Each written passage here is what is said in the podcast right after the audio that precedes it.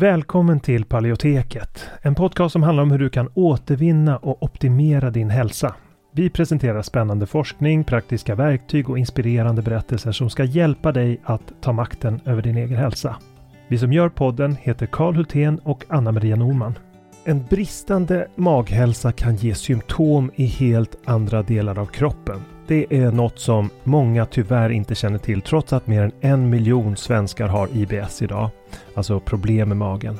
Och tyvärr är magproblem i de flesta fall inkörsporten till annan ohälsa. Det kan vara inflammation, diffusa symptom, allergier eller autoimmun sjukdom. Och för att möta den här trenden av växande behov så har vi utvecklat kursen Maghälsa på djupet. Där vi går på djupet med att vända dålig maghälsa som SIBO och IBS. Och det här är viktiga delar av kursen som vi talar om och den senaste forskningen på de områdena. Och vi djupdyker i vad forskningen säger om de senaste naturliga terapiformerna, kostmetoder, kosttillskott, probiotika och så vidare. Och kursen den kickar igång fredagen den 3 maj och har fyra olika faser och tre frågestunder live. Och dessutom har vi olika resurser och guider att ladda ner från kursplattformen. Så du kommer få lära dig allt om hur du kan använda kosten som en väg till läkning, när, var och hur, hur du kan använda olika kosttillskott och probiotika. Och om du redan är medlem i Hälsodetektiverna så får du som vanligt en rabatt på allt vi gör, så även den här kursen. Och den här kursen tror vi är en perfekt väg för dig mot en bättre maghälsa där du inte bara får lära dig ett metodiskt tillvägagångssätt för att minska dina symptom utan också förstå de underliggande orsakerna. För att läsa mer om kursen och anmäla dig till den går in på paleoteket.se och klickar på utbildning. Eller klicka dig vidare från länkarna i podcastbeskrivningen. Så varmt välkommen till Maghälsa på djupet. Vi ses där när kursen startar, den 3 maj. Innan vi kör igång med dagens tema vill jag påminna om att den här podcasten har ett utbildande syfte och inte utgör medicinsk rådgivning. Nu kör vi!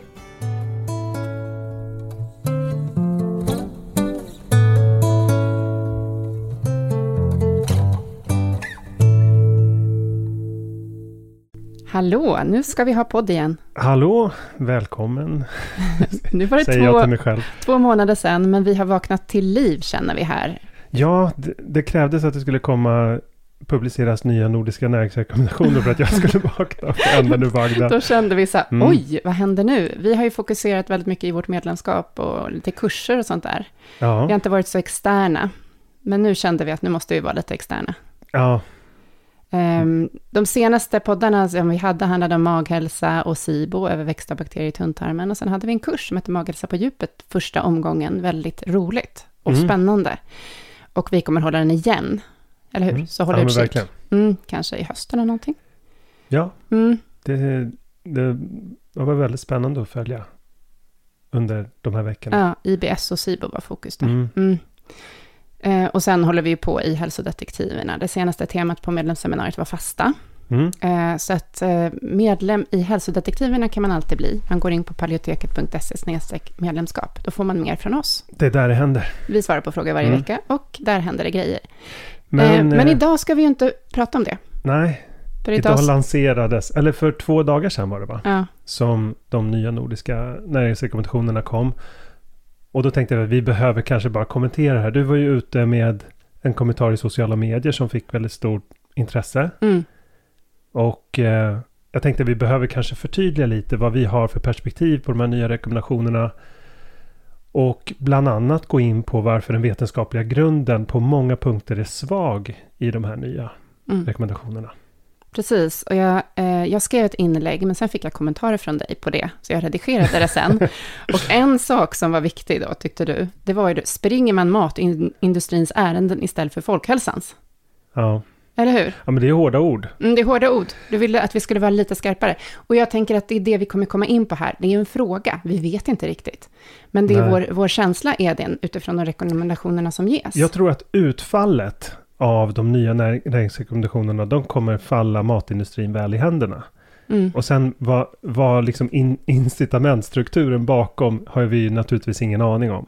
Nej. Men eh, vad de i praktiken gör det är att de ger matindustrin fri lejd och de har glömt bort det kanske stora det stora elefanten i rummet när det gäller vad som är problemet med den svenska folkhälsan.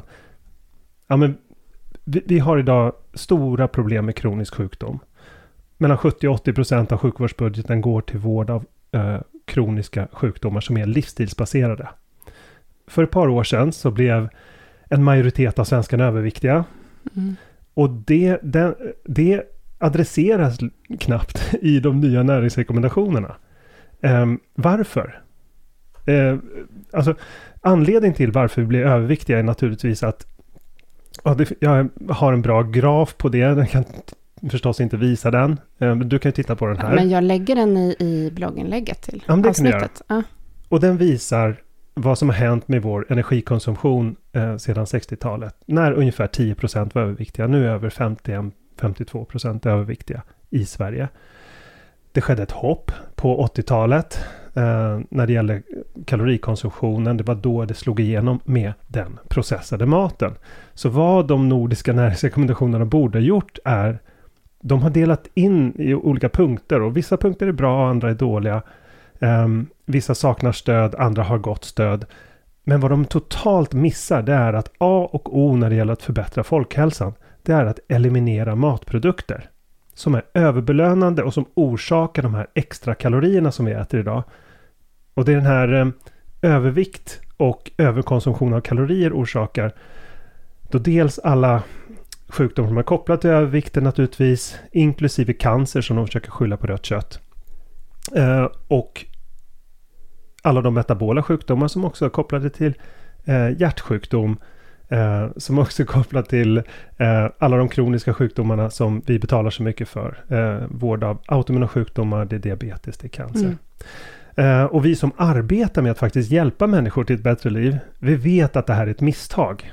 Det är ett misstag att formulera råden på det här sättet. Det här kommer i praktiken göra att vi får en sämre folkhälsa och det kommer inte leda till bättre livskvalitet och inte att vi blir friskare tyvärr. Mm. För man missar målet på några viktiga punkter som vi, vi, vi kommer att sätta fingret på. Ja, men jag vill också mm. hänvisa bara till en artikel från Svenska Dagbladet som kom den 18 juni där, det, där man intervjuar några personer som har varit med i den här kommittén och som har skrivit underlagsdokumenten gällande just det med ultra, ultraprocessad mat. Mm. Och då säger de här näringsexperterna, två stycken, att de inte står bakom det som är i slutdokumentet. Så det de har skrivit i underlagsdokumentet stämmer inte riktigt överens med det som har hamnat sen i slutdokumentet. Nej. För att de inte tar avstånd i slutdokumentet från då den här ultraprocessade processade maten. Nej. För att kommittén framhåller att kunskapsunderlaget är begränsat istället för att säga någonting om det. Och det, vi tänker ju så här, ja, kanske att man inte har studerat det tillräckligt då, att de inte har tillräckligt många studier, men vi har vi he hela tiden också evolutionsperspektivet. Mm. Vi kan anta att den maten som vi har ätit under lång tid, den, eh, den behöver man inte lika mycket bevis för, men för ultraprocessade maten ska man verkligen behöva visa att den är hälsosam. Ja, och det är det som att man, man har inte någon differentiering när det gäller bevisbördan.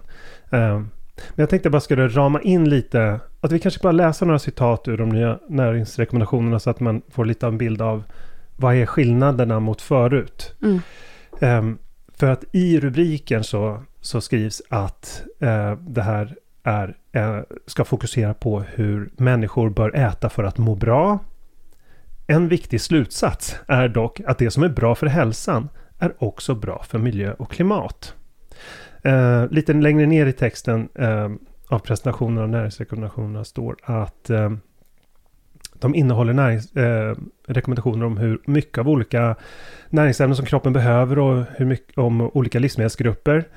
Eh, människors hälsa och näringsbehov är basen i näringsrekommendationerna. Men på uppdrag av Nordiska ministerrådet har näringsrekommendationerna denna gång även vägt in miljöaspekter, det vill säga livsmedelskonsumtion inte eh, ska påverka miljö och klimat i onödan. Och eh, eh, sen skriver man lite längre ner sådär att eh, i debatten eh, om de nya näringsrekommendationerna verkar finnas en missuppfattning om att rekommendationerna inte ska innebära att alla ska bli vegetarianer. Så är det inte. Men samtidigt så rekommenderar man att vi ska äta mindre kött mm. och skärk. Och det är vi väldigt kritiska till och kommer återkomma till lite senare. Men sen finns det ett antal punkter. Om man, om man vill titta på vad, i korthet vad rekommendationerna går ut på. så är det mesta ganska bra. Eh, mindre alkohol. Där eh, skärper man rekommendationerna framförallt för ammande då till att eh, inkludera mindre alkohol. Mm, vänta, vänta. Det där är jag inte riktigt säker på att det stämmer. Jag tror att det är tvärtom, att man, att man eh, släppte lite på råden kring ammande. Eh, Man gjorde det mindre, eh, mindre tydligt. ja, just det. Jag Ja, läste fel. Ja, nej, men alltså för, Okej. att, för att det är det som är lite uppseendeväckande. Ja, mindre alkohol är väl ett, eh, generellt råd. ett generellt Mm. råd. Ja, då är det bra att du rättade mig där. Mm. Eh, mindre mat eh, som innehåller mycket salt, fett och socker. Eh, det kan ju vara vilken som helst då. Eh, måttligt med mejeriprodukter med låg fetthalt. Man antyder då att mejeriprodukter annars skulle vara ett problem, vilket inte har stöd i forskningen. Det har vi inte ens möjlighet att gå in på idag. Men att fetare mejeriprodukter skulle vara skadliga finns inte stöd för i forskningen, snarare tvärtom. Eh, mer fisk från hållbart förvaltade, fiskbestånd är ett korrekt råd. Eh, mer fisk är, har, är förknippat med lägre risker. Eh, det innehåller väldigt mycket näring förstås och protein. Eh, samtidigt så finns det problem med det eftersom vi ser ökande eh, andel miljögifter även i atlantfångad fisk eh, i Sverige som vi har tillgång till. Och Ja, utmaningen där blir att få ren fisk. få ren fisk, ja. Mm. Att det blir väldigt svårt för att nu är föroreningarna så allmänt spridda i haven. Mm. och påverkar inte bara Östersjöfisken. Ehm, men sen, och så, det sista rådet då, eh, mycket grönt, frukt, eh, bär. Det ser vi inga problem med. Däremot att de rekommenderar mycket fullkorn och baljväxter. Um, baljväxter är det som ska eh, ersätta det röda köttet då, verkar planen vara. Mm. Det är inte möjligt menar vi. Vi återkommer till det längre fram. Och att rekommendera mycket fullkorn finns inte heller något stöd för i forskningen i interventionsstudier att det skulle vara förknippat med bättre hälsa utan snarare att det finns stora fördelar med att helt eliminera spannmålen ur kosten när man jämför den typen av kostupplägg i jämförande kliniska eh, prövningar så har Mm. man sett att det har stora fördelar. Så där, alltså det som är bra handlar väl om alkohol, eh, mindre eh, tillsatt fett och socker, eh, absolut. Eh, att eh, äta mer animalier från fisk, att äta mycket grönt och frukt. Det var ju saker som redan var bra från tidigare. Mm. Ehm, men att Det låter som en paleokost. Ja, ja men precis. Ehm, men jag tänkte bara liksom, jag tror anledningen till, nu har de ju skruvat om råden här till att eh, inkludera ännu mindre rött kött än tidigare. Mm. Det var på tok för lågt redan tidigare, nu har de sänkt det ännu mer. Själva grundproblemet här, det är att, och jag tror att de själva sätter fingret på vad själva grundproblemet i de nordiska näringsrekommendationerna är. De uttalar till och med problemet i sin egen eh, ingress. Mm. Nämligen att lyfta upp miljön som en målsättning samtidigt som man talar om människors hälsa. Det är problematiskt och det är av flera eh, orsaker. Alltså naturligtvis alla som eh, är rationella, på något sätt förnuftiga människor förstår ju att det är ett problem med intressekonflikter. Alltså de åtgärder som behövs för att eh, då främja miljö potentiellt och de åtgärder som är nödvändiga för att skydda och förbättra människors hälsa. Det är inte nödvändigtvis samma sak. Man uppnår inte bästa möjliga lösning genom en kompromiss. Och det är därför kommunikationen är så dubbeltydig från Livsmedelsverket Mm. också. Man är otroligt dubbeltydiga. De, de säger å ena sidan att vi borde äta mindre av något dåligt. Mm. Eh, läs rött kött. Eh, men samtidigt ska vi inte bli vegetarianer. Och dessutom pratar de ju eh, väldigt ingående om eh, hur viktigt det är med den näring som finns i det röda köttet. Alltså att det är unikt näringsrikt och att det är tydligt att de inte rekommenderar att alla ska bli vegetarianer av den anledningen. Men samtidigt varnar de för samma sak. Hur kan någonting vara livsnödvändigt och jätteviktigt samtidigt som det är livsfarligt? Mm.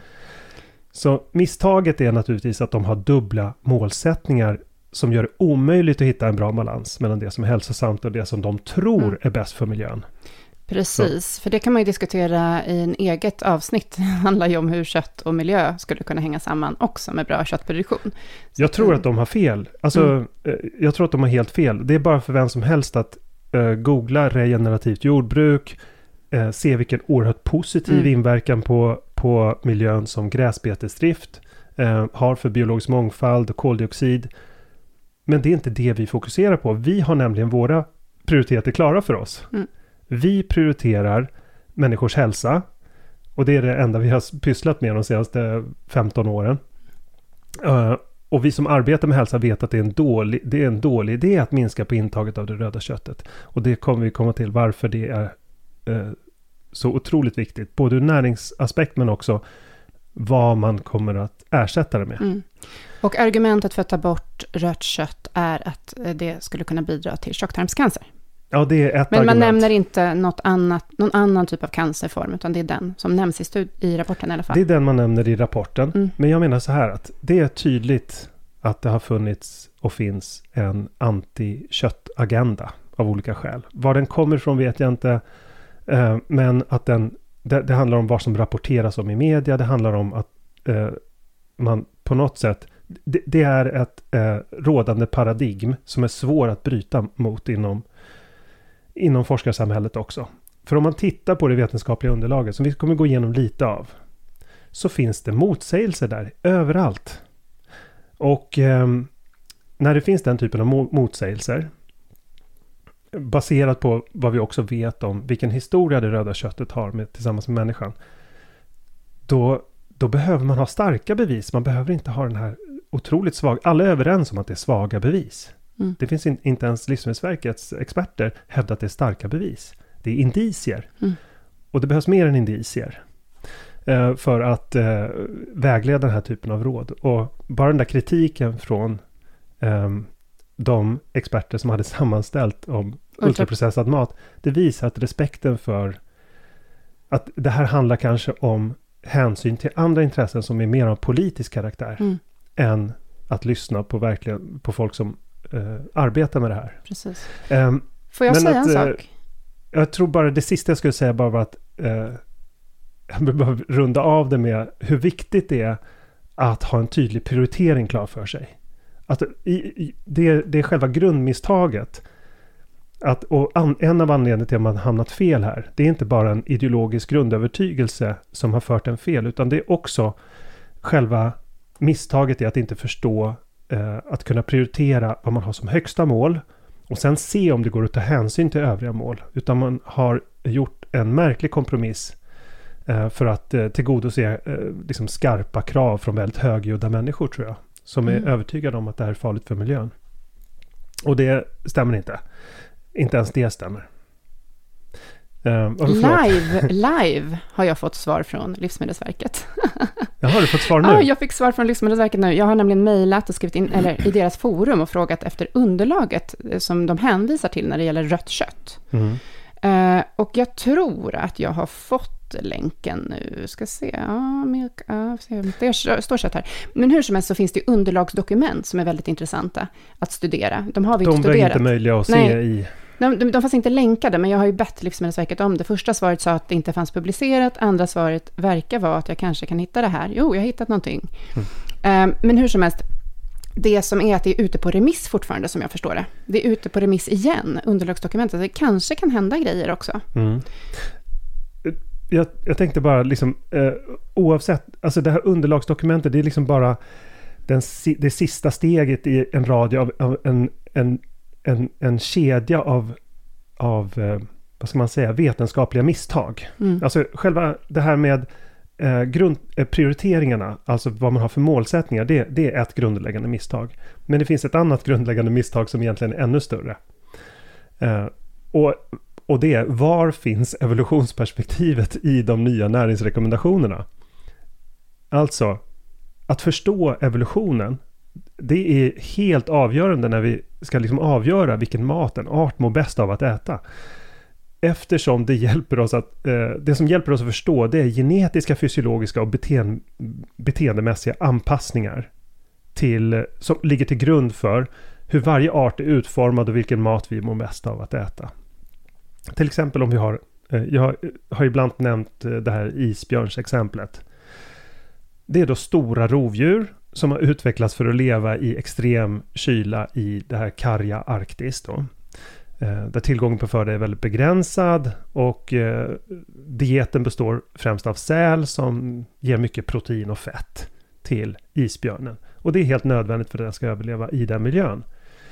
Och då är det så att isbjörnens kropp beteende, matsmältningssystem och allt annat med isbjörnen, hela dess varelse är utformad och anpassad till att få energi från just de livsmedlen. Om vi till exempel får för oss att ge potatischips, och det här har provats. Det är inget, man har testat att ge olika typer av processade foder till eh, björnar i fångenskap. Då får de inte den nödvändiga näring som de behöver för att klara sig. De blir väldigt sjuka eh, och dör i förtid.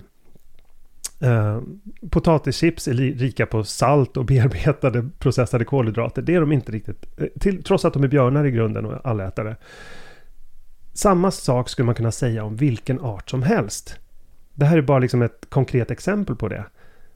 Och om vi drar oss till minnes vad, eh, vad Eh, biologen Doblanskis citat, alltså, eh, “Nothing in biology makes sense in, except in the light of evolution”. Genom att förstå det så kan vi förstå också att varje art har de här kraven på sig, inklusive människan.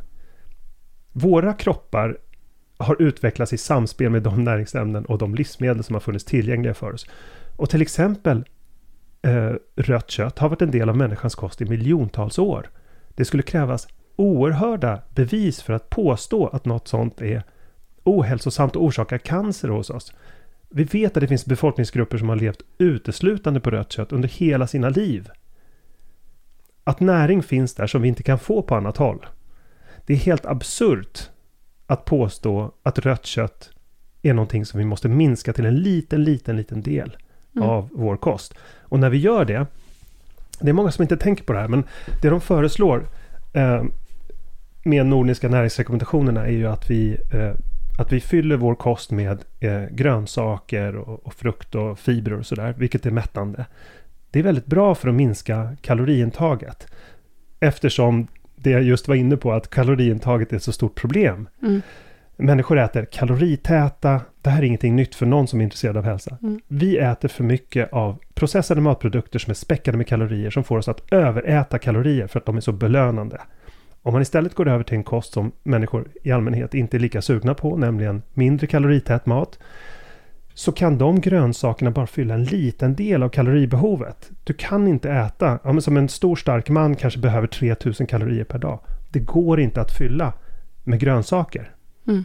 Om man då också tar bort en annan väldigt, väldigt viktig del, nämligen det röda köttet som har mycket kalorier men som också har i princip alla de näringsämnen vi behöver, inklusive proteinet eh, för att ersätta skadad vävnad och bygga upp våra kroppar. Um, där lämnas en gigantisk kalorilucka. Om man tar bort grönsaker, ja men då lämnas en liten kalorilucka. Mm. Eh, om man tar bort köttet, det lämnar en gigantisk kalorilucka som måste fyllas med något annat. Och det kommer i praktiken att fyllas med eh, matprodukter.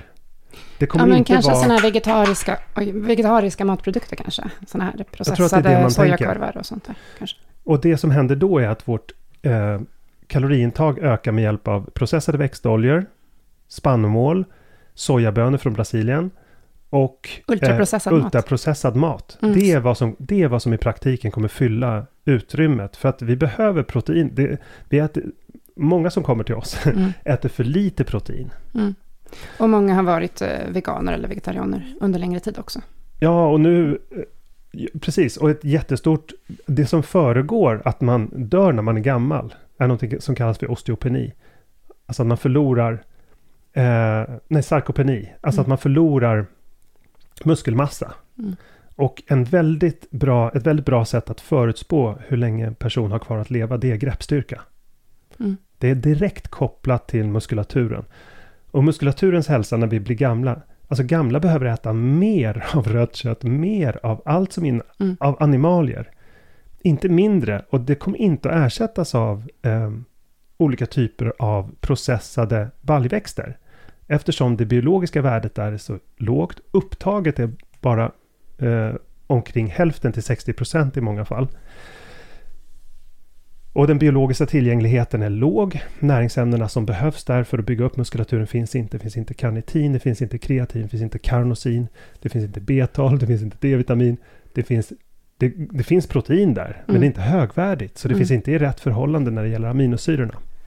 Så att just på den gruppen människor att äta mindre att man inte nämner det. Mm. Och sen finns det ju, förutom Ehm. att det inte finns så mycket näring, så finns det ju också antinutrienter som hämmar upptaget av näring. Ja, Och sen är det många som kan vara känsliga mot det, som har känsliga magar, som, sådana som vi jobbar med ofta, ja precis. som inte mår så bra av mycket baljväxter. Så att det blir sådär, hur mycket baljväxter ska vi äta för att få i oss tillräckligt mycket protein? Det blir jättemycket. Mhm. Eh, och sen klarar, hur stor del av befolkningen klarar det ens eh, i, när det gäller magen? Liksom. Ja. För att många blir gasiga av det. Ja men precis, det är ju med på listan. Alltså baljväxter är med på eh, topp, eh, list, topplistan över överkänslighetsreaktionsskapande livsmedel. Mm. Och det, en av anledningarna till det är att det finns väldigt mycket fientliga ämnen där. Det Mm. finns oxalater, det finns lektiner, starka lektiner i många fall, som inte går bort helt genom tillagning. Och de fungerar som antinutrienter, att de som hindrar eh, en god tarmfunktion och näringsupptag ur de livsmedlen. De är som ehm, att köra med handbromsen i. Mm.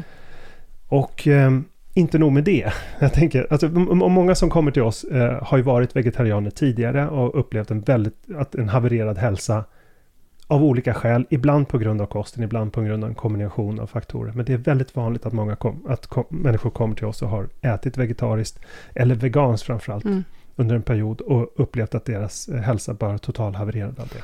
Jag ska, får jag eh, hänvisa till några tidigare poddar som jag tycker är relevanta i det här sammanhanget. Mm. Jag kan länka till dem också på vår hemsida under det här avsnittet. Men avsnitt, avsnitt 54 har rubriken Vegetabiliskt versus animaliskt protein. Vilka är skillnaderna? Där pratar vi om hur, liksom, hur mycket protein det egentligen är i de livsmedel man äter. Hur Mm. mycket man behöver äta för att få i sig motsvarande mängd. Eh, och sen har vi avsnitt 55 som heter Antinutrienter, växternas mörka sida. Eh, vi pratar just om baljväxter bland annat, men också spannmål och så. Mm. Ehm, och sen är det avsnitt 62. Kan vegetarisk kost bidra till depression och ångest? Där vi går igenom studier kring det. Ja. ja, men det där för oss in på ett ganska viktigt område som jag hade tänkt att vi skulle prata lite om också. Och det är några av de näringsämnen som finns unikt i animalier och framförallt i rött kött. Eh, jag tänkte, ska vi prata lite om dem? För de, de nämns inte i rapporten nämligen. Men däremot nämns i rapporten att de här näringsämnena är viktiga. Ja, men några av... Okej, men vi tar först de som ja, är nämns i rapporten. som, då. ja, precis. Okej, vi tar zink. Mm. Rött kött är den eh, överlägset främsta källan till eh, zink. Som är helt ö- nödvändigt för att immunförsvaret ska funka, för att sårläkning ska funka, för DNA-syntesen, för celldelning framförallt. Och vegetabiliska källor till zink existerar, men det är på tok för lite där för att täcka behovet. Eh, ett annat... Eh, ett annat Får eh, jag bara säga en sak? Avsnitt 34 och avsnitt 78 handlar om zink. Okej, jättebra. Ja, men jag tänker att vill man lyssna så Ehm. finns det mycket att lyssna på. Ja, men precis. Mm. Och, eh, vad var det mer de tar? B12 skriver de va? Mm. Ja, men det, det är då ett jätteviktigt näringsämne som finns i främst animaliska, som in, inte finns i praktiken i vegetabilier. Och det har en otroligt viktig roll i hjärnans funktion. Och när man får brist på B12 så är det ofta för sent. Då har man permanenta skador på hjärnan som inte går att reparera. Och det tar ungefär 10 år att utveckla det. Och är man vegan tillräckligt länge så får man brist på B12.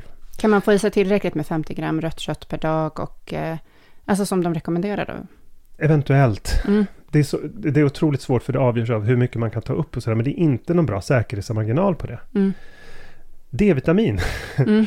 Um, rött, kött innehåll, rött kött innehåller naturligt D-vitamin. Och det är nödvändigt för att eh, upprätthålla normal benhälsa. Uh, kalciumomsättning naturligtvis.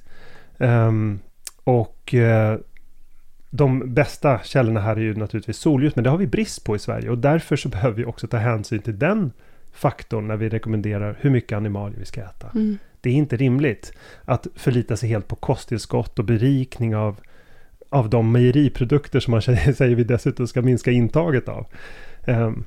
Och- Men fisk innehåller innehåller också D-vitamin. Fisk innehåller D-vitamin, ja det gör Mm. det. Men, men människor äter i praktiken inte, människor tycker inte om fisk i lika hög om.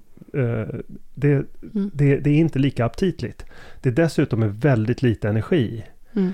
Ehm, det är bara protein i princip och näring. Det finns också en gräns för hur mycket fisk som rekommenderas i näringsrekommendationerna. Ja, jag kommer inte ihåg precis. exakt vad, Och det är 300 på grund av miljögifter. Eh, eh, sen är det med järnet. Det finns inte i fisk. Och det finns inte heller i kyckling i samma utsträckning, utan det här hemoglobinbundna järnet som har väldigt hög biologisk tillgänglighet som tas upp i mycket högre grad än något annat eh, vegetabiliskt järn. Det går inte att jämföra vegetabiliskt järn och hemjärn. Mm. Utan hemjärn tas upp till 40-50% medan eh, vanligt vegetabiliskt järn tas upp till någon procent. Eh, och i kroppen är det här viktigt för syresättningen av alla vävnader. Det är ett, en, ett stort problem globalt med järnbrist. Och eh, det är, särskilt kvinnor behöver fundera på hur man ersätter det järn som man förlorar varje månad. Mm. Alltså järn eh, är ytterligare en sån faktor. Men då har vi inte ens nämnt saker som... Jag tänkte bara Men vänta nu, jag vill bara prata lite om järn, för jag, jag mm går in på Livsmedelsverket. Det finns så många livsmedels... Livsmedelsverkets hemsida där, så skriver de ju att järn finns främst i inälvs och blodmat, som lever och blodpudding. Det finns även i kött, ägg och skaldjur. Och sen står det utan kommentar kring olika typer av järn, så står det i vegetabiliska livsmedel finns järn i fullkornsprodukter, nötter, frön, torkad frukt och baljväxter. Men att de lyfter fram en blodprodukt som blodpudding före rött kött är ju väldigt talande tycker jag. Mm. Alltså det här är en total blindhet. Alltså att blodpudding, ja visst, det kan vara ett hyfsat livsmedel, men där är ju det är liksom mjöl och vegetabilisk olja som blandas med grisblod. det är inte så många som äter blodmat. Nej, det, nej alltså precis. Ofta. Jag menar inte att det skulle vara dåligt på något sätt att mm. äta. Det är naturligtvis förenligt med en bra kost att äta blodpudding ibland. Men det är inte jämförbart med den näring som finns i rött kött. Mm. Rött kött är... Det är så mycket bättre mm, än men blodpudding. De nämnde ju lever först också. Ja, mm. okej, okay, bra. Nu mm. var tur att de inte lämnade leverpastej då. Hade jag nästan väntat mig. Mina tankar är mycket låga. förmågan här. Um, okej, okay, jag skulle vilja ta ett exempel med... Uh, jag vill ta exemplet kreatin. Mm. Kreatin är ett naturligt ämne som finns i rött kött. Uh, det finns väldigt hög koncentration. Det är till och med så att människor som äter mycket rött kött, de kan få utslag på sådana där uh, på njurtester att det ser ut som att de har dåliga njurvärden på grund av den höga kreatininnivån i blodet. Vilket jag, jag hade mm. personligen då och blev väldigt orolig över. Eh, men att eh, det är en markör för intag av rött kött eh, och delvis också en markör för hög muskelmassa. Så personer som tränar, har hög muskelmassa eller äter mycket rött kött har högre kreatinin i blodet. De som inte har högt kreatinin i blodet, det är personer som äter vegetariskt eller vegetabiliskt. Eh, helt eh, veganskt.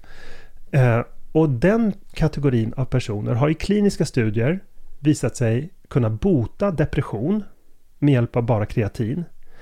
Man har kunnat höja kognitiv prestationsförmåga som är nedsatt hos eh, många som följer en vegansk kost under lång tid. Och anledningen till det är att Kreatin är en energibärande molekyl som är till nytta för till exempel väldigt hög metabol vävnad. Och högmetabol vävnad har vi i minnescentrum i hjärnan som kallas för hippocampus.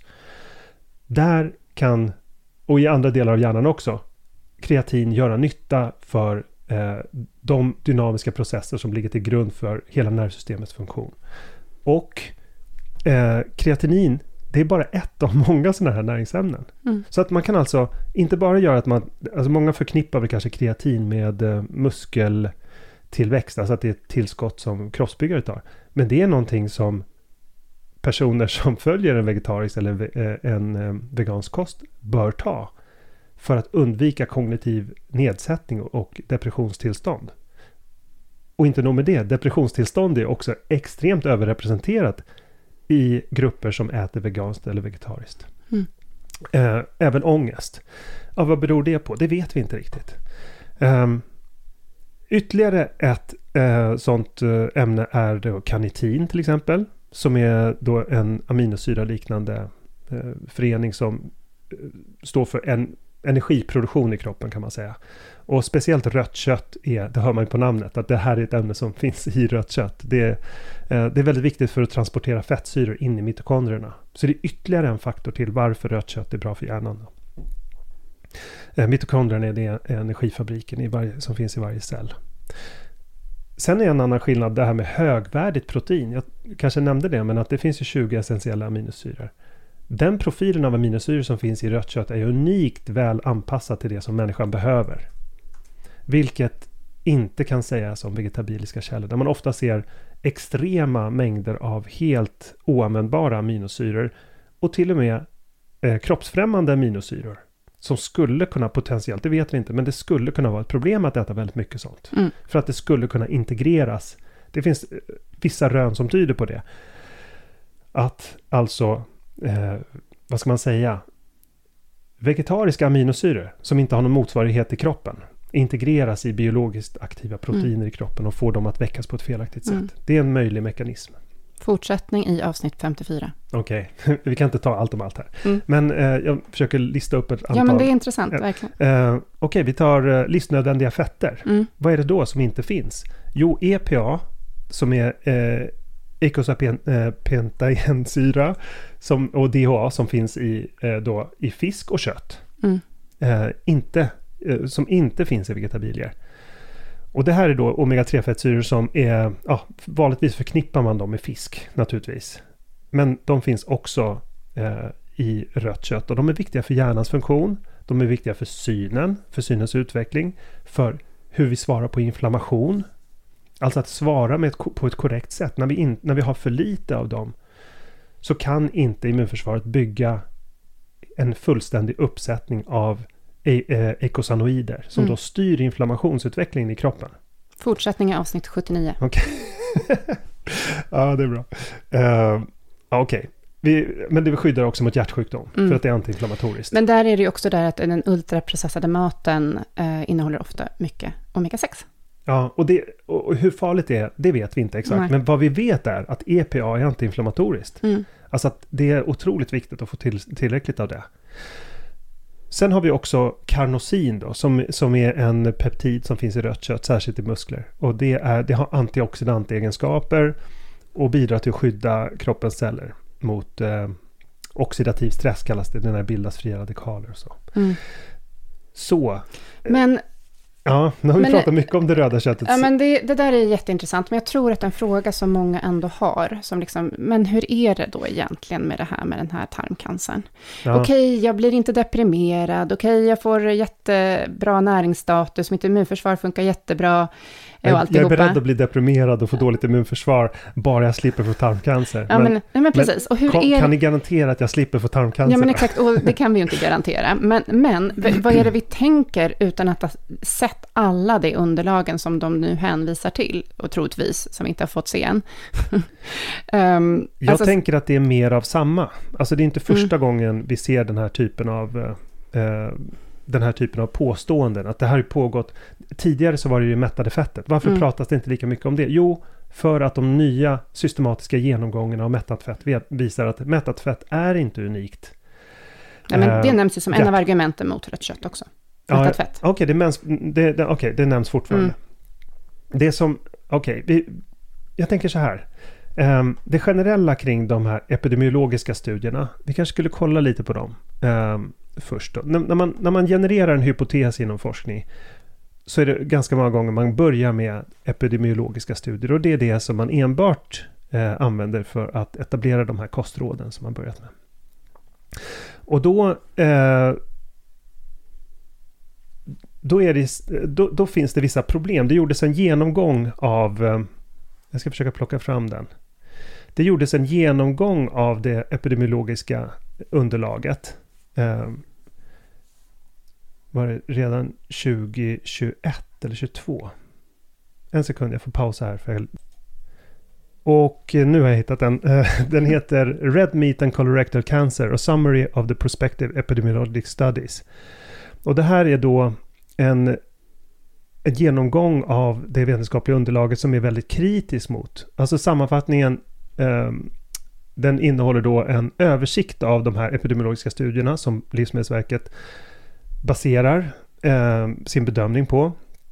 Och den här potentiella kopplingen mellan eh, rött kött och kolorektalcancer. Och författarna skriver så här. De har ju dels, för det första så är sambanden otroligt svaga. I den här eh, artiklarna så skrivs att eh, ett, en av slutsatserna är att eh, generellt så är den relativa risken under 1,5 och inte statistiskt signifikanta. Och, men inte nog med det, det finns inte heller något dosrespons eh, samband. Alltså finns ingen korrelation mellan mängden och den eh, utfall i, eh, i, i hårda ändpunkter, alltså i kolorektalcancer. För det andra så finns det en lång rad så kallade confounding factors. Som är alltså eh, faktorer som kan påverka eller störa sambandet mellan rött kött och kolorektalcancer. Till exempel så kan då människor som konsumerar rött kött också röka mer. Det här går inte att eliminera för. Eh, de röker mer, de konsumerar mer kalorier, de motionerar mindre, de äter mindre färsk frukt och grönsaker, de har högre BMI. Och alla de här faktorerna som jag var inne på i början är naturligtvis det som ligger bakom ökad förekomst av, eh, av all ohälsa, inklusive kolorektal cancer. Så det är ett problem av, som finns i de epidemiologiska studierna. Och dessutom så eh, finns det också variationer när det gäller kön. Alltså, de epidemiologiska studierna, de indikerar inte en positiv koppling hos kvinnor. Mm. Hur kommer det sig?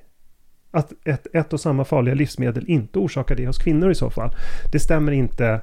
Med, det, det är inte logiskt att det bara skulle påverka kvin, äh, att det inte påverkar kvinnor, men däremot så finns det um, uh, ett svagt förhöjt samband hos män då. Ja, mm. det, det, är bara, det är ett luftslott där. Jag, jag tänker uh, att för, ja, förlåt. Nej, jag bara tänker så här, vi, vi behöver nog kunna återkomma till det här igen, när vi har sett vad, vilka studier som de använder sig av nu. Det har säkert för det här är lite äldre. Jo. Precis. Så men, bara vi, vi garderar oss för det lite grann. Så att vi, vill ju få, vi har inte fått underlagen för nej, exakt det som de Men det finns saker som de inte har tagit upp mm. eh, tidigare. Och det är till exempel, eh, det gjordes nämligen en eh, korrelationsstudie från eh, Japan som är från, eh, den är hyfsat ny, vi ska se här, ja, man följde helt enkelt eh, man följde helt enkelt 112 000 män och 184 000 kvinnor eh, under eh, nära ett decennium och kollade på cancerutfall och kardiovaskulär sjukdom. Och vad man fann i den studien var att slutsatsen i den här studien var att ökad köttkonsumtion i Japan eh, inte verkar ha, eh, vara förknippad med en ökad dödlighet. Det finns ett omvänt samband, alltså att eh, risken för hjärtsjukdom minskar och eh, risken för cancer eh, hos män. Ehm, och det här eh,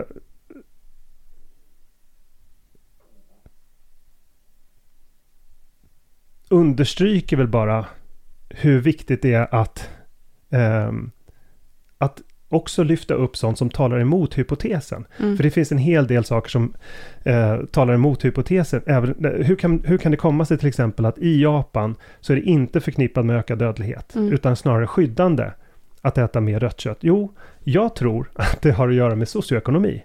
Mm. Att i Japan så, har, eh, så, finns, så är det kopplat till eh, ökad status.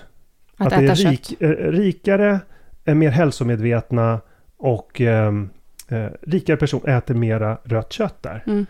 Eh, och det gör att det finns ett omvänt socioekonomiskt. I, i västvärlden så finns det eh, det omvända. Vi vet alla vilka som äter mycket eh, korvar och ehm, processade eh, köttprodukter. Mm. De som inte har lika mycket pengar. De som inte har lika mycket pengar. Mm, och då kanske de också äter andra halvfabrikat samtidigt. Ja. Och vad, vad kommer den kategorin av människor eh, göra när de får höra att rött kött är dåligt? Jo, de kommer köpa, de kommer ta bort det som redan är dyrt för att det ligger också i linje med de ekonomiska incitamenten. Mm. Och så kommer man köpa någonting som är något motsvarande men billigt. Man kommer köpa mera mm. av processad, eh, processad skräpmat. Mm, och kanske inte kommer köpa 800 gram grönsaker för det är väldigt dyrt. Ja, det är dyrare till och med mm. i, i vissa fall. Men man vill ju också titta på interventionsstudier. Mm. Och där har ju vi ett helt avsnitt, alltså avsnitt 49, mm av podden där man tittar på vad händer om vi ökar andelen rött kött i kosten och så jämför vi det mot de förra när, nordiska näringsrekommendationerna eh, mot till exempel eh, WHOs kostråd, mot eh, diabeteskostråden och så vidare. Det finns 24 sådana kliniska studier mm. där man har kollat på vad händer med en grupp människor när man faktiskt gör en intervention, när man ändrar deras kost till att få mer rött kött inom ramarna för vad som kallas för en paleokost. Så man tar bort, eh, man tar bort till exempel eh, pasta och bröd och så lägger man in lite mer rött kött istället. Mm. Det är vad det i praktiken innebär. Jo, i samtliga kliniska jämförande studier, i 24 fall av 24, så får man bättre hälsoutfall än de nordiska näringsrekommendationerna. Man får till exempel minskad inflammation vid övervikt, diabetes och sköldkörtelsjukdom. Och jag antar att inflammation var den påstådda mekanismen som skulle ligga bakom det här påstådda sambandet med kolorektalcancer. Mm. Hur kan det då komma sig att en, en kost med ökad andel rött kött orsakar minskad inflammation? När det gäller hjärnan, eh, minskad utmattning vid MS, bättre minnesfunktion under menopausen, högre välbefinnande vid en lång rad tillstånd inklusive sköldkörtelsjukdom, bättre hormonhälsa, alltså ökad nedbrytning av stresshormon, lägre insulinvärden, bättre kardiovaskulär hälsa, förbättrad kondition, bättre metabol hälsa, bättre blodsockerkontroll, förbättrade blodfetter, lägre blodtryck, bättre leverhälsa, eh, eh, bättre cellfunktion generellt sett, högre mättnadsgrad, där har du kärnan i varför det är så mycket mer hälsosamt, eh, eh, eftersom rött kött är mycket mer mättande, eftersom det innehåller mer eh, protein än må många andra livsmedel, så det ger en stabil långvarig mättnad. Och slutsatsen av det här är att samtliga 24 studier visar på positiv hälsoeffekt av att öka andelen rött kött i, i kosten, om kosten är hälsosam i övrigt. Mm. Man tar bort saker som spannmål och eh, andra delar som en del av medelhavskosten. Eh, exempelvis. Man har jämfört det mot medelhavskost också och det här är mycket mer hälsosamt. Mm. eh, det, Även om medelhavskosten ja, men det här är, är, bra. Det här är interventioner. Mm. Mm. Eh, Okej, okay, vi, vi vet alltså att Inom ramarna för de här interventionerna så ser vi en bättre hälsa på en lång rad olika områden när man jämför med kostråd som Nordiska näringsrekommendationerna och andra instanser som WHOs kostråd, eh, till exempel Dutch Health Council, American Heart Association, WHO mm. och så vidare. Men inte nog med det, det har gjorts interventioner också där man har testat och sett vad som hänt specifikt med kolorektalcancer. Det finns två kliniska studier där man har gjort det. Och båda de, jag ska plocka fram dem. Mm. Alltså, det finns en studie från, vi ska se, som heter Low Fat Dietary Patterns and Risk of Colorectal Cancer. Uh, the Women's Health Initiative Randomized Control Dietary Modification Trial. Det är en studie från 2006 där man testade att minska andelen rött kött i kosten i två grupper. Man tog alltså um, man rekryterade eh, kvinnor mellan 50 och 79 och följde dem mellan 93 och 98. Och då blev de alltså slumpade till eh, två grupper, en interventionsgrupp och en kontrollgrupp. Och man följde dem eh, under de åren.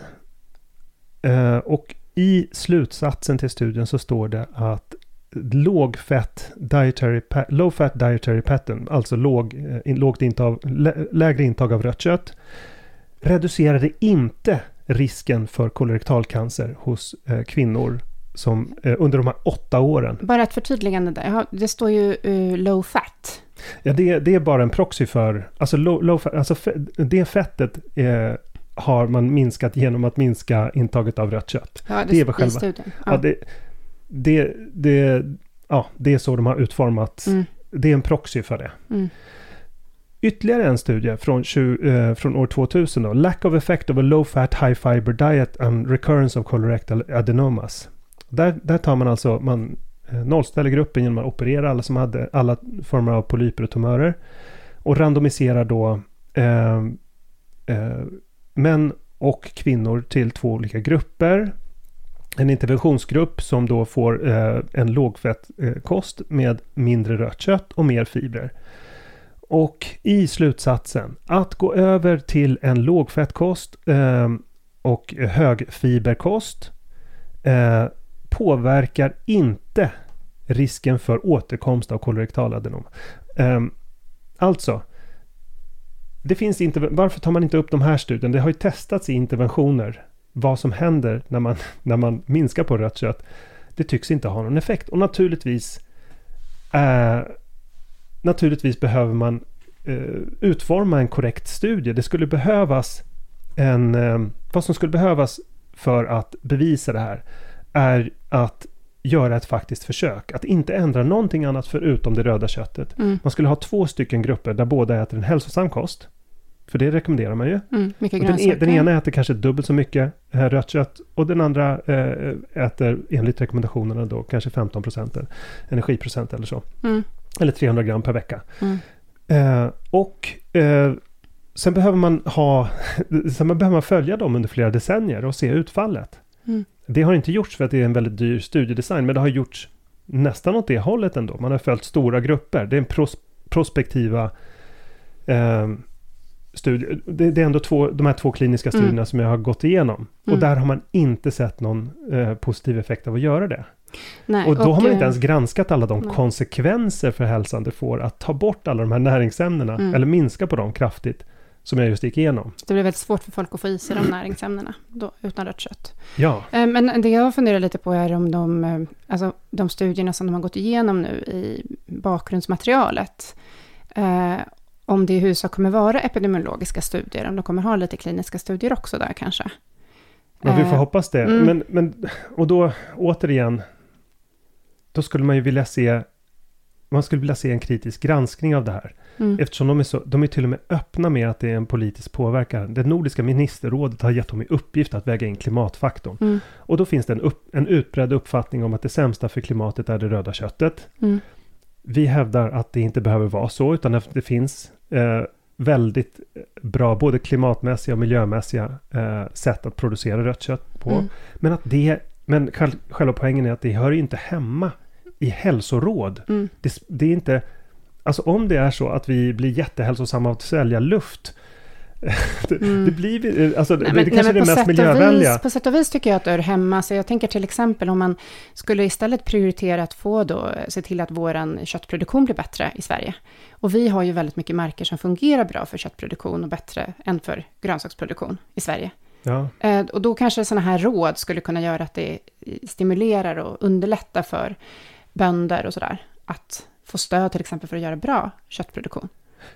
Alltså det skulle, om, om ja. det fanns sådana ställningstaganden i, så här, ja, vi prioriterar då bra producerat kött. Jo, men då måste man ju liksom ha, man måste ju dela upp det i så fall i mm. olika, eh, eh, i helt skilda delar av, eh, eh ha en struktur på incitamenten. Mm. Vad är vår, vårt primära mål? Mm. Om vårt primära mål är att eh, gynna svensk jordbruksindustri, kanske matindustri. Jag menar, vi har ju sett vad det tidigare så har ju Socialstyrelsen kommit ut med, ja men det vore bra om du åt 14 eller 18 brödskivor om dagen. 8 till 10 va? Ja, jag kommer inte ihåg. Mm. men, och det är någonting som man liksom skämtar om idag. Hur kunde, hur kunde Livsmedelsverket sitta i samma båt som jordbruksindustrin, liksom på det sättet, eller mm. matindustrin rättare sagt.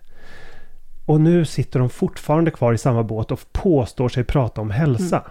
De har inte någon koll på vad som innebär bättre hälsa för människor. Vi ser ju varje dag vad det innebär när man förändrar människors kost från att innehålla mindre av den typen av produkter som de antyder borde vara en mm. större del av vår kost. Mm. När, när, man tar bort sådana saker, då blir människor mätbart friskare och mm. inte mm. på kort, det, det, tar några veckor. Mm. Alltså att eh, vi, vi behöver ju äta mer av de vissa mm. saker som de säger att vi ska äta mindre ja. av. Men det är för eh. att de inte har klart för sig vilket uppdrag de har. Mm. De försöker sitta på två stolar samtidigt. Men bara säga att det står ju i rapporten att 350 gram per vecka rekommenderas ur hälsosynpunkt och mindre än det ur miljösynpunkt. Så står det. Ja. Så att det, de säger ändå att eh, för hälsan behövs 350 gram som jag tolkar ja. det, men för miljön ännu mindre. Det måste vara och otroligt gäller, frustrerande att vara så här klämd mellan olika intressen. Och när det gäller vitt kött, fågel, så står det ju ingenting om eh, hälsa. Det står bara att för, för miljön så ska det begränsas. Mm. Uh, och sen vill jag korrigera mig själv, för att jag, nu har jag tagit reda på hur många skivor bröd de sa. Sex till åtta skivor. Ja. sex till åtta skivor bröd. Jag vill bara påminna om sex till åtta skivor bröd om dagen enligt Socialstyrelsen och liksom låta det, eh, ljuset av eh, den historien skina över våra, våra fantastiska myndigheter idag, mm. som berättar för oss vad som är hälsosamt. Mm. Men jag hoppas, alltså jag tänker, jag har ändå en liten förhoppning, jag har någon typ av positiv ådra i mig. Även om jag inte gett mig in i någon politik kring det här, så tänker jag att det finns ju massa människor där ute som, som ändå försöker påverka nu de här ja. eh, rekommendationerna. Och det, som jag förstår det så finns det fortfarande någon typ av remissrunda som är igång. Mm. Eh, och då kan man väl hoppas att, eh, att vi kan fokusera på bra kvalitetskött istället, eh, att vi i Sverige har möjligheter till att producera bra kött, om man nu pratar om klimat och miljöfrågan, att den är viktig. Ja, här finns det verkligen Istället möjligheter. för att bara så, säga att vi inte ska äta det. Utan ja. vad, hur kan vi göra det så bra som möjligt med den natur vi har här i Sverige? Ja, vi är, är ju Sverige, inte Senegal liksom, eller något afrikanskt land. Vi är ju Sverige uppe i Norden. Sverige har, vi har ju, vi, det är mer igenväxt här än det varit på flera hundra år. Mm. Alltså det, skog har brett ut sig över gamla betesmarker och åkermarker. Mm. Det är ett faktum. Och Mm. de markerna kan binda kol, till Mm. skillnad från skogsmarker som bara omsätter kol. Vi påstår att Sverige är en kolsänka på grund av, eh, på grund av skogsbruket, men ängsmarker som betas av djur är kolsänkor. Mm. Och då, vi ska inte liksom fördjupa oss i det, men, men att eh, jag tror att eh, eh det finns unikt goda möjligheter i Sverige att eh, producera kött på ett bra sätt. Men eh, egentligen så, det här är ju det här är ju egentligen eh, precis sådana saker som borde diskuteras av eh, Livsmedelsverket. Om de kan få i uppgift att bara prata om det de tror är miljömässigt korrekt. Och sluta prata om vad som de Mm. för att grejen är så här, jag tycker att det är väldigt allvarligt. Och vi, det kanske framgår av min, mitt tonfall. Att, för det, människor lyssnar faktiskt på det här. Och gör det. Alltså det, det, ligger ett, det vilar ett tungt ansvar på de människornas axlar som kommunicerar den här typen. Att vi ska ta bort något extremt oersättligt och näringsrikt ur kosten och ersätta det med något annat. Mm. Människor kommer att ersätta det med, med matprodukter. Mm. Dåliga saker.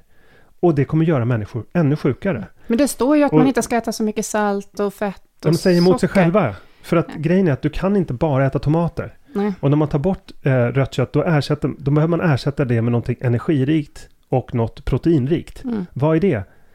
Om det inte är rött kött, ja, men det är antingen då kyck... Jaha, är det kyckling säger Mm. de, det ska man inte ens bry sig om. Men, men det, kommer ju, det, det de vill ha in är naturligtvis mer vegetabilier. Det nämner de på hundra ställen. Baljväxter får man äta mycket som helst. Det är sojakorvar. Ja. Mm. De vill in sojakorvar istället. Och det kommer att göra människor sjukare. Mm. Alltså sojabönor är med på topplistan över överkänslighetsreaktion. Att Mm. Det innehåller en lång rad ämnen som är problematiska. Förutom att de är kaloribomber som man inte blir mätt på. Mm. Alltså det innehåller omkring 20 energiprocent fett. Mm. Inte från några bra källor, inte essentiellt viktiga fetter, utan liksom rena eh, industriellt pressade växtoljor. Mm. Som har jättemycket omega-6. Eh, det är vad som finns i sojakorvarna. Eh, Men eh, det som är sorgligt är att det kommer ju påverka rekommendationerna till skolan, mm. våra barn. Jag menar, vi kan ju äta hur vi vill hemma, liksom. Men barnen får ju lunch i skolan varje Ja. dag. Och för ganska många barn som inte kanske har familjer med så bra ekonomi, då är den lunchen jätte, jätteviktig. Ja, det är Ska de få i sig sin all näring, och sen får de kanske Mm. skitmat hemma. Men då ska vi ju ge barnen det mest näringsrika i skolan. Ja.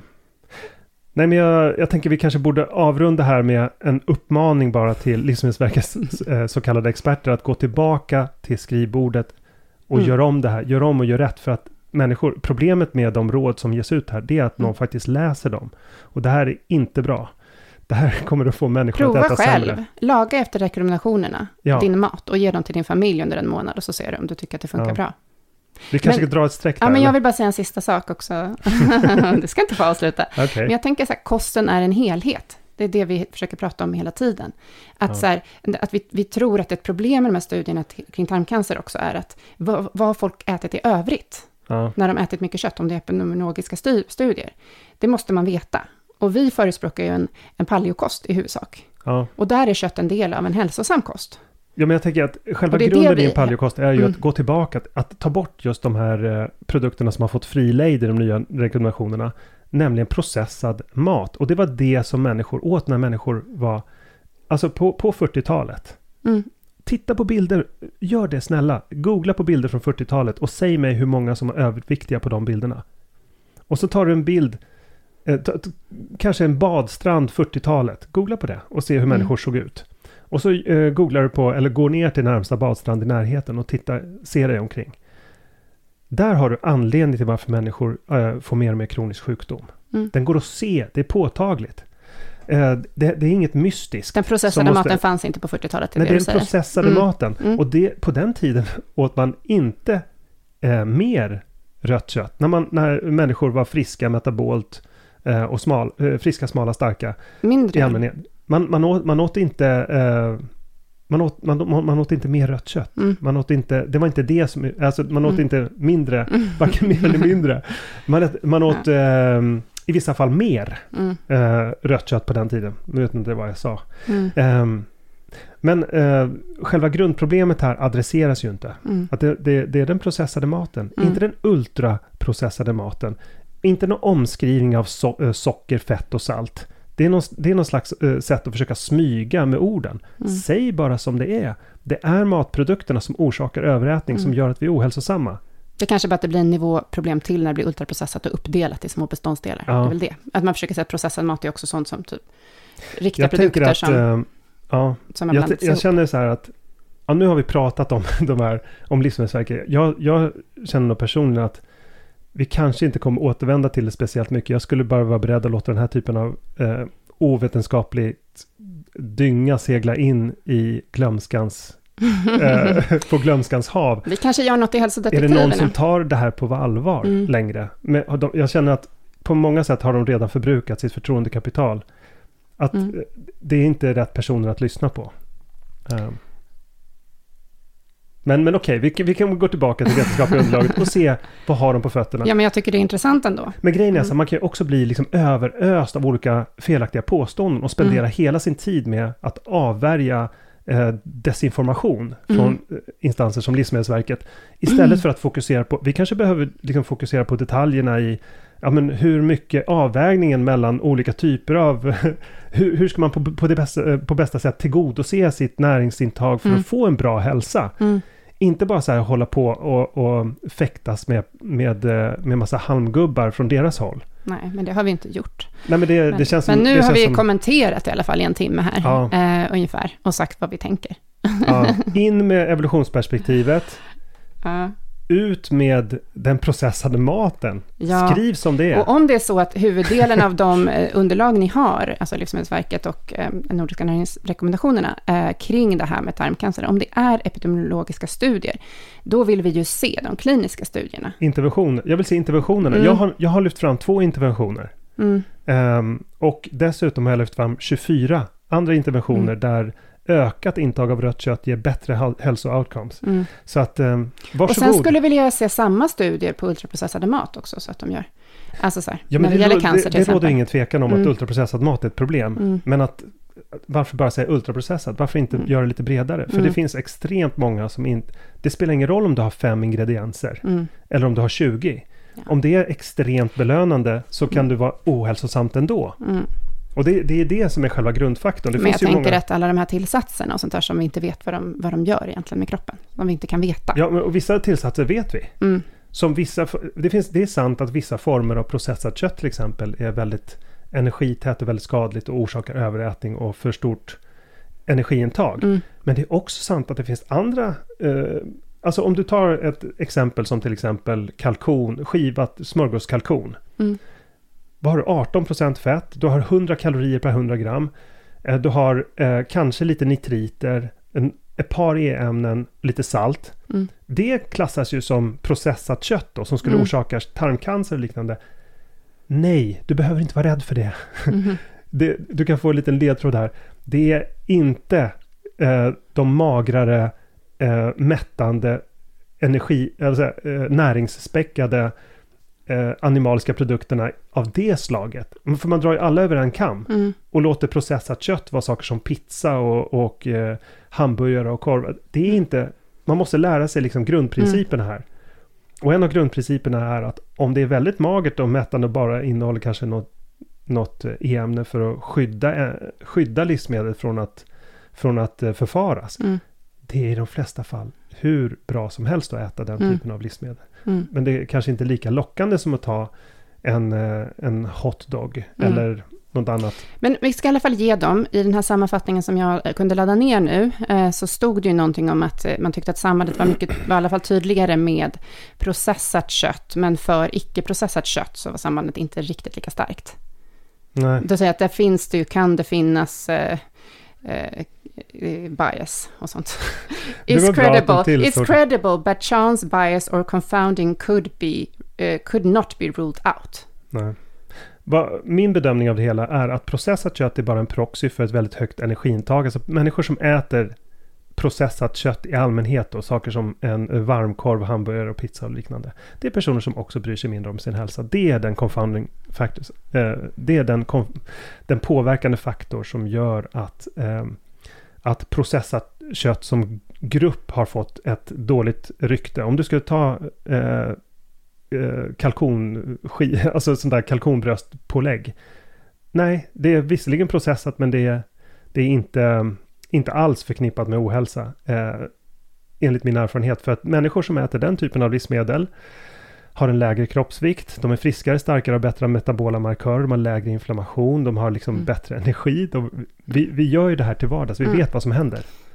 Ja. Eh, och människor som äter mer av eh, rött kött, mer av grönsaker, mer av frukt, mm. mår bättre, presterar bättre, får bättre metabola markörer, mindre risk mm. för sjukdom. Mm. Så att eh, det, det, här är, det, det är ingen... Ibland behandlas det lite som att ja, men det skulle vara något mystiskt och svårt det här. Mm. Men vi, vi kan ju också följa vad som gör människor synbart friskare. Om du mm. ser friskare och starkare ut så är sannolikheten att du också är det väldigt stor. Mm. Um, Okej, uh, då avslutar jag med reklam. All right. För vi har ju ändå en podd, vi kan ju nå ut här med lite reklam. Menar du att det eh, räcker med en timmas rant? nej, men vi ska göra reklam också. Ja. Eh, nej, men vi har ju Hälsodetektiverna som är vårt medlemskap. Mm. Eh, där det är en gemenskap online. Vi har en egen plattform där det finns massa intressanta inspelade seminarier sedan tidigare. Bland annat eh, kan vara relevant nu under sommaren, där du pratar om mättnadsindex och sånt. Mm. Uh, aptitreglering uh, har du ett jätteintressant föreläsning som vi gjorde förra sommaren. Ja. Um, och sen så under sommaren nu kommer vi komma med en hel del hälsoinspiration. Och sen 4 september så startar vår hälsoutmaning Reset 30. Det blir grymt kul. Mm, och där kan man ju mm. satsa på sin hälsa och eh, lägga om till egentligen vilken kost man vill. Nej, men vi, vi har... Men nej, paleo har vi som grund. Vi har vissa grund... Mm. Där kan man lägga om till en kost som faktiskt, till skillnad från det Livsmedelsverket påstår, så kan man faktiskt tillämpa en kost där som kommer att göra dig märkbart, mätbart friskare mm. på fyra veckor. Mm. Och det är ett uh, löfte. Du kan ta blodprov innan, du kan kolla dina metabola markörer. Mm. Gör en hälsokontroll och mäta samma sak efter. Och vi kommer, ha, vi kommer ha åstadkommit en signifikant förbättring på de fyra veckorna. Mm. Eh, det är mer man kan säga om en eh, pressa i sojakorvar som de föreslår. Mm. Skippa det, gå med i hälsodetektiverna istället. Just det. ja. Och inspelade seminarier, det måste jag ändå göra reklam för. Det är jättemånga seminarier som finns att ta del av. Ja. Mm, fasta till exempel, det senaste vi hade. Ja. Så att kom med i gemenskapen. Eh, Paleoteket.se medlemskap läser du om hälsodetektiverna. Ja, kom med. Ja, hej då. Mm. Glad hejdå. sommar, glad midsommar. Glad midsommar, mm. ja. Hej då. Tack så mycket för att du har lyssnat på det här avsnittet av Paleoteket. Vi hoppas att det har varit till nytta för dig. Om du vill få hjälp att uppnå dina hälsomål står vi redo att hjälpa dig. Vårt medlemskap Hälsodetektiverna är en gemenskap online där du träffar likasinnade, får hälsoinspiration hela året och kan ställa frågor direkt till oss på våra medlemsseminarier. Nu under våren startar också två onlinekurser.